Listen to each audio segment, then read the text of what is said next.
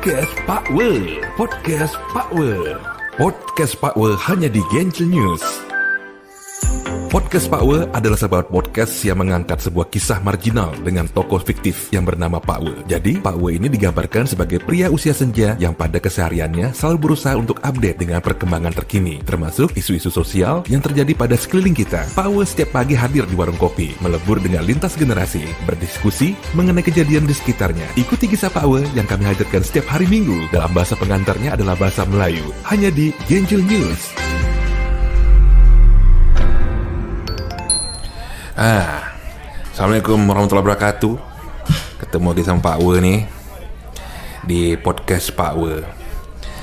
Pak Wer ni minggu ini ni agak telat nak bikin podcast. Soalnya apa namanya? Biasanya Pak ni kan ngerjakan podcast ni kan setiap habis Jumatan, ya kan? Setiap habis Jumatan, Pak Wer ni langsunglah apa namanya? Uh, langsung nak bekerja bikin podcast. Cuma dalam minggu ini Pak Wer ni sibuk benar. Soalnya ada anak kemenangan Pak Wer ni nak pindah rumah gitu kan. Jadi dia ni minta seteran auto ni. Auto backup Pak Wer kan ada ni auto backup tua Pak Wer ni. Nah, tak tolong Pak Wer kami nak pindah ni tak tolong lah sedang tak dulu berangkat dari Juruju sampai ke Pahit Mayor sana kan bolak balik bawa barang gitu kan nah itulah tu sampai akhirnya Pak Wer ni apa namanya Nah, nyediakan waktu lah ni untuk namanya kita bercerita, ya kan berbagi rasa kan gitu. Biasanya kalau hari Sabtu ni biasanya budak-budak ni suka nak degel. Nah, budak-budak tu apa namanya nyiapkan yang namanya kadang ngirim ke WA Pak Wer tu. Kalau tiap pagi sih biasanya ngirimkan link-link berita tu. Nah, cuman Pak Wer ni tak tak sempat nak terbaca.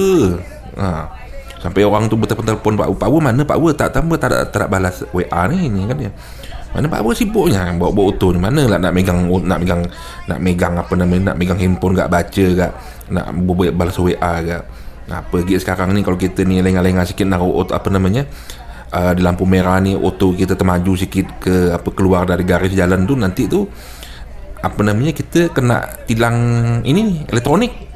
Ha, ya kan bahaya lah tu. Walaupun masih uji coba di Pontianak ni kan.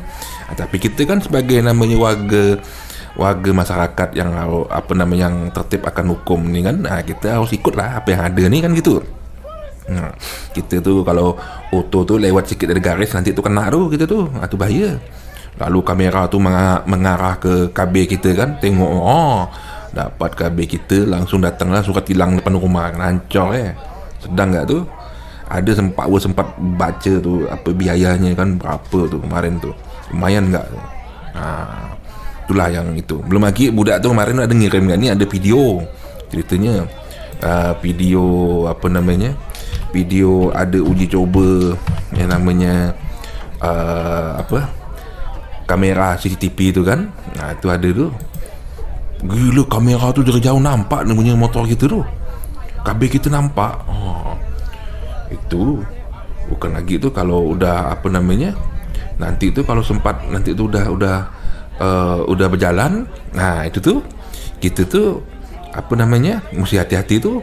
Hati-hati ini bukan kita harus takut tapi kita harus bisa mentaati. Yang namanya peraturan-peraturan yang sudah di apa namanya yang sudah diterapkan gitu kan. Nah kita misalnya pakai auto tuh misalnya tidak menggunakan sabuk pengaman tuh itu kena tuh. Du berapa ya? Entah lo Pak buka WA lo ya. 250 ribu Ha, itu tak pakai sabuk pengaman ni. Ha, auto Pak Wan ni auto tua ni. Ha, ini nak bikin lo sabuk pengaman ni. Pak Wan nak las nanti sikit. Di mana? Di belakang gitu kan. Di belakang Pak duduk Pak Wan. Bikin lah lo. Penting bisa nyangkut lah kan. Ha, terus kalau kita ni melanggar yang namanya rambu-rambu sama maka jalan ni kena matus ribu. Ha, nerobos lampu merah kena matus ribu. Ah, berkendara sambil main handphone nah ini Pak Wu tak kuasa ni. Itu kena 750 ribu. Bayangkan. Nah itu bahaya tu. Kita lagi berjalan kan megang handphone. Budak-budak ni ngirim WA ni beribu-ribu bertalu-talu macam air hujan ni kan. Nah, kita nak membaca macam mana? Kita baca tahu-tahu kena apa ni terbaca sama kamera kita langsung kita kena nanti 750 ribu. Nah kan? Sedang tak tu? Jadi nanti kan proses itu kalau misalnya auto kita pergi berjalan atau apa pelan-pelan kan ada kamera tu setiap sudut jalan nanti tu. Dia ngelihat auto kita. Misalnya kita ni pas lagi lampu merah lah kan ya tak ada menggunakan yang namanya apa sabuk pengaman. Ha, itu kita kena. Terus kita ni sambil berkendara main handphone tu kena. Belum lagi tu Pak Wu ada sempat baca kat tu apa namanya uh, nanti tu uh, apa namanya polisi tu ada ini ni pakai apa namanya uh, ada pakai kamera di helmnya ah itu bisa tu nah jadi itu apa namanya namanya electronic traffic law enforcement ETLE atau kalau bahasa Pontianak itu tilang elektronik. Nah, itu tu uh, apa namanya mulai akan berlaku mulai pada bulan ini. Ah, gitu dia. Jadi kan yang namanya alat namanya tilang elektronik ni atau ETLE ini kan berupa pantauan kamera CCTV yang terpasang pada tiap titik. Macam di Pontianak tu di simpang pajak itu dah ada. Nah, kemudian akan terus berkembang dipasang di uh, apa namanya di titik-titik keramaian di kota Pontianak. Nah itu nanti tu ada tu gitu kan? Nanti tu apa namanya jika kita tu misalnya apa namanya nak jalan menjalik jangan sampai melanggar lah ya. Nah, kalau kita melanggar tu nanti tu yang namanya surat tilang tu datang ke rumah. Bukan undangan dia datang ke rumah. Surat tilang. Ha. surat tilang datang ke rumah sedang tak ya kan? Hadi, apa denda denda berapa tu? Mahal-mahal gitu kan? Nah jadi apa namanya ini kan adalah uh, apa namanya suatu terobosan dalam apa namanya dalam bidang hukum ya kan ya kalau kita bilang ya. Uh, dari apa namanya pihak kepolisian dari mana supaya masyarakat ini tertib disiplin sebagai pengguna jalan. Dengan adanya ini kan maka timbullah yang namanya kesadaran yang namanya masyarakat untuk yang namanya tertib berlalu lintas. Itu kan seperti kita kadang-kadang kan yang namanya lampu merah paling gampang lah kan sekarang tu kan dah udah ada ininya udah ada apa namanya udah dibikin apa sih Pak Wu pakai bahasa biasa ya ya Udah ada kotaknya kan Ada kotak untuk motor Motor paling depan Mobil paling belakang. Ha, Terus dipanjangkan sikit ke samping tu ha, Itu buat apa Biar Buat selah lah kan gitu kan. Jadi mobil tu di belakang. Tapi kadang-kadang Pak pun ada gak? Tengok ni kan dia Ada yang auto ni masuk ke lingkaran auto Eh sorry Auto masuk mobil sama lingkaran auto. Auto masuk dalam lingkaran motor. Ada Masuk dia ke Apa semen merah tu. Tu ada. Haa terus apa namanya uh, yang keluar dari garis jalan tu ada. Misalnya kayak lampu merah tu kan. Penuh memang kan memang penuh. Jadi apa namanya biar dapat paling depan ni ha, kadang dia samping keluar tu ha, itu hati-hati tu. Tu kena kan nanti tu kalau bisa kita tu berada dalam yang namanya zona merah tu semen warna merah tu situ tu itu untuk motor tu ha, untuk yang pakai auto ha, di luar lah belakang lah belakang di belakang apa di belakang motor ha, itu dia Nah, terus macam apa penggunaan apa namanya uh, tali sabuk pengaman. Macam kayak kita ni kan kalau Pak Wer kemarin tu pas Pak Wer pergi ke Jawa kemarin kan tengok nama cucu Pak Wer tu. Kalau kita macam di Jakarta di mana tu udah dah udah tertib dah orang istilahnya mesti pakai pakai apa namanya sabuk pengaman. Nah, macam Pak Wer tu kemarin tu. Pak Wer ni kan ya bala iyalah bawa hawa punya nak kan. Datang sana kan. Oh, ada kita mulai lah ni mesan yang namanya apa aplikasi ojek online ya kan Pak Wong pencet lah ni kan ya datang dah Pak Wong main mantai bantai ya buka pintu langsung duduk kan ya lalu lah kata kawan kita supir tu bilang Pak tolong Pak ya uh, apa namanya sabuk pengaman ni dipakai. Kita terkejut kan? Nah, apa pula ni? Lain Pak soalnya di sini sekarang ni garang-garang polisi kan? Oh gitu. Akhirnya oh Pak Wu baru tahu bahawa yang namanya sanak tu udah wajib. Ha, macam di daerah kita ni kan sebenarnya kalau dibilang uh, apa namanya uh, penggunaan namanya sabuk pengaman ini kan masih masih terbilang langka ya kan makanya sabuk pengaman di auto orang tu masih terik-terik semua ha, jok ya kendor kan jok dah kendor kan nak duduk tiap hari tapi kalau yang namanya uh, sabuk pengaman masih terik-terik tak pernah dipakai tak pernah dipakai apa ha, itulah tu Jadi kita dah mulai sekarang untuk yang namanya membiasakan diri. Kalau keluar tu pakailah namanya sabuk pengaman. Ha, cara pakai tahu kan? Tahulah. Punya motor macam tak tahulah kan. Ha, semua penumpang tu kalau bisa ya kan ya.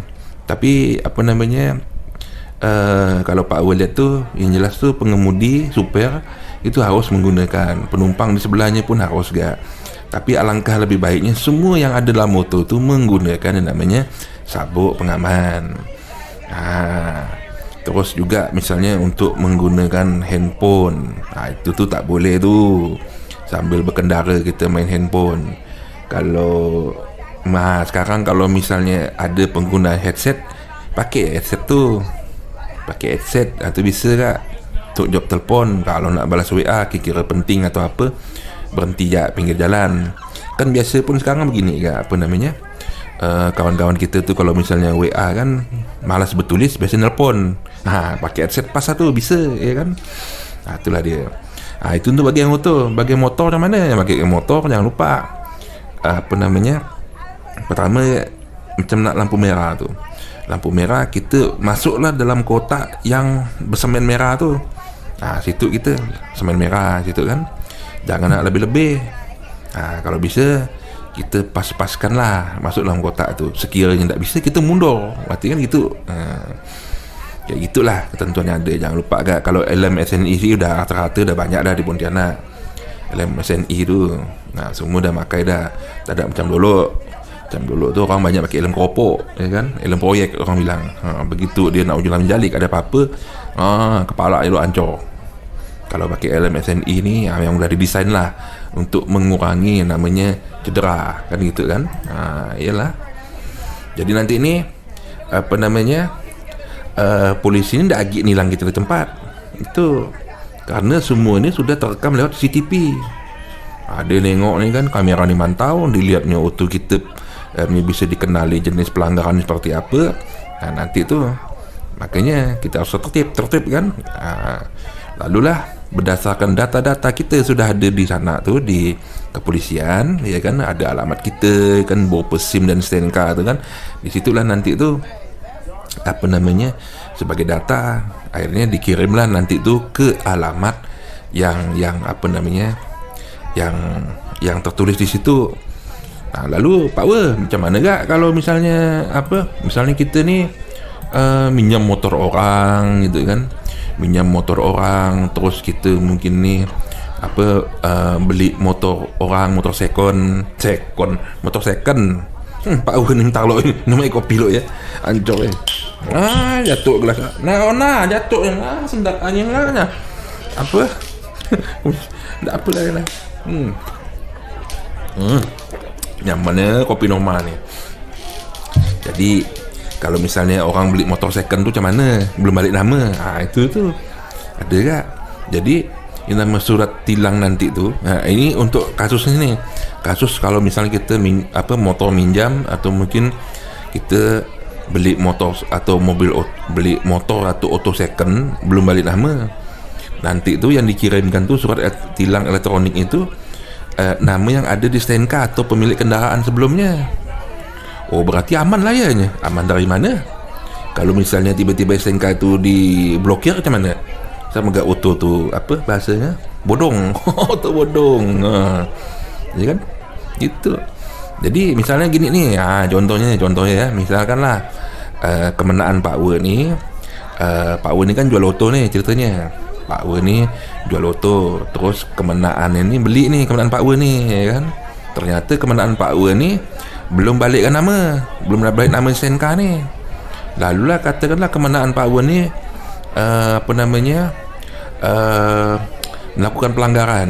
Kayak tadi itu misalnya dia tak ada pakai yang namanya sabuk pengaman dia mungkin melanggar markah jalan kelewatan otonya atau dia sambil berkendara main handphone. Nah gitu kan? Nanti itu ketika misalnya kemenangan Wan tu dia pakai oto atau motor tu kan nampak tu kesalahannya apa tu karena kan ada CCTV tu Nah, jadi nanti itu kalau udah kena yang namanya pelanggaran, surat tilang itu datangnya ke Pak. Nah, datangnya ke Pak. Nah, aman dah tu?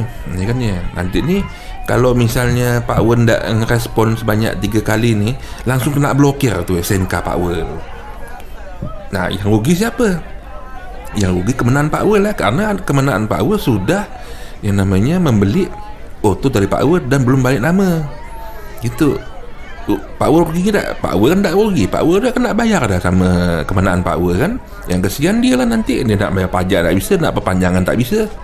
Percuma kan Nak jual loto pun tak, tak bisa kan? Walaupun dia punya BPKB STNK mati. Kan hancur lah dia. Ha, Gitu dia ha, Jadi Apa namanya Kalau tak direspon tiga kali Itu Langsung kena blokir. Gitu dia. Ha, Walaupun atas nama Pak Wer. Jadi kalau bisa misalnya beli motor second atau apa apa namanya uh, ada ada ada berapa cara ni. Satu balik nama cepat-cepat bisa ya kan? Atau mungkin apa namanya uh, misalnya kemenangan Pak Wen ni kena tilang Pak Wen langsung hubungi dia eh kau nya kena kena ini kena tilangnya ha gitu. Jadi langsung tahu.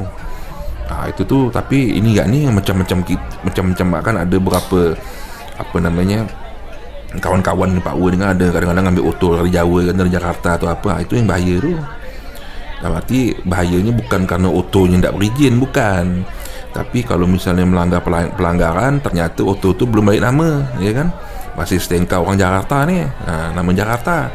Tiba-tiba kena datanglah surat tilang datang ke Jakarta, nak. Tahu-tahu yang orang ni biasa-biasa, diam-diam ya dia. Ha, diam-diam ya dia. Lalu tiba-tiba STNK nak blokir. Kita menganggap biasa-biasa je kan. Karena kita secara fisik kan tak ada tak pernah ketemu polisi kan berarti aman kita punya itu. Ternyata secara data STNK tu dah mati kena blokir sama polisi. Ah itu sangsut tu. Makanya ni ini apa namanya kita harus uh, apa namanya sedini mungkin lah ya. Kalau bisa kita beli auto dari mana pun Jakarta atau mungkin dari Pontianak kita kalau bisa cepat-cepat balik nama. Duit lagi ah, duit lagi lah dia siko lah ya kan? Itu dia tu seru gak ni? Nah, nanti pun macam polisi ni dipasang lah di helm tu ada action cam.